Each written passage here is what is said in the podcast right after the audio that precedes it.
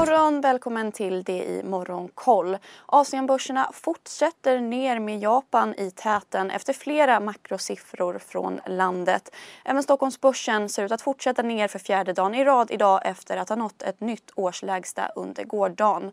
Shanghai-börsen och Shang Eh, Shenzhenbörsen backar svagt medan Hongkongbörsen håller helgstängt för firandet av att det är 25 år sedan staden återlämnades till Kina.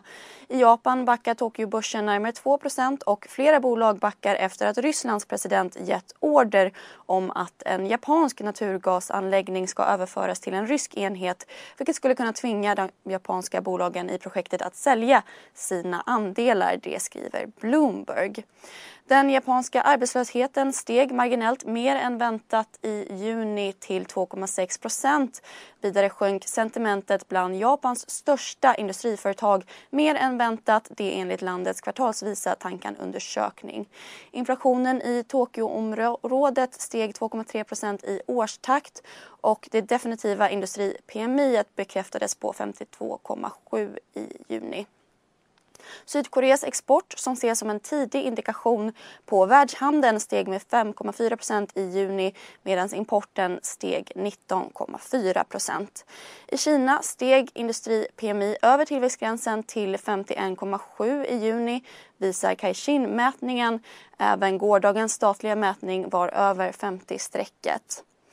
Och även i USA handlades börserna neråt igår på vad som var halvårets sista handelsdag. Samtliga ledande index backade runt 1% och breda S&P är nu ner 20 CSRD, ännu en förkortning som väcker känslor hos företagare. Men lugn, våra rådgivare här på PWC har koll på det som din verksamhet berörs av. Från hållbarhetslösningar och nya regelverk till affärsutveckling och ansvarsfulla AI-strategier. Välkommen till PWC. 3,6 procent i det senaste halvåret vilket är den största nedgången sedan 1970. Apotekskedjan Walgreens sjönk närmare 7,5% efter att ha meddelat att bolaget ser framför sig en ensiffrig vinsttillväxt för året. Facebooks moderbolag Meta Platforms föll 1,5% efter att ha uppgett att de förbereder sig för ett resurssnålt andra halvår. Bolagets produktchef skrev att Meta kommer behöva prioritera mer hänsynslöst på grund av makroekonomiska utmaningar och att annonsverksamheten drabbats av dataintegritetsfrågor. Pfizer gick mot strömmen och lyfte närmare 2% efter att de tillsammans med Biontech signerat ett avtal på drygt 3 miljarder dollar med den amerikanska regeringen för leveranser av covid-19-vaccin.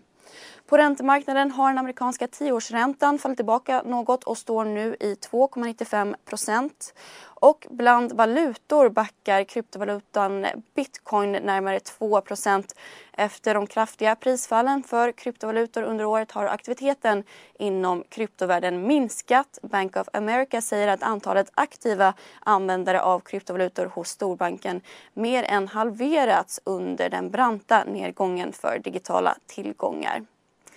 Och den tyska industrigruppen Siemens skriver ner sitt innehav i Siemens Energy vilket kommer att påverka Siemens nettoresultat med drygt 2,8 miljarder euro i det kommande kvartalet. Så till Sverige där ögonstyrningsbolaget Tobii kommer leverera till Sonys kommande VR-headset Playstation VR 2. Förskottsintäkterna från affären väntas stå för över 10% av Tobiis totala intäkter i år. CSRD, ännu en förkortning som väcker känslor hos företagare.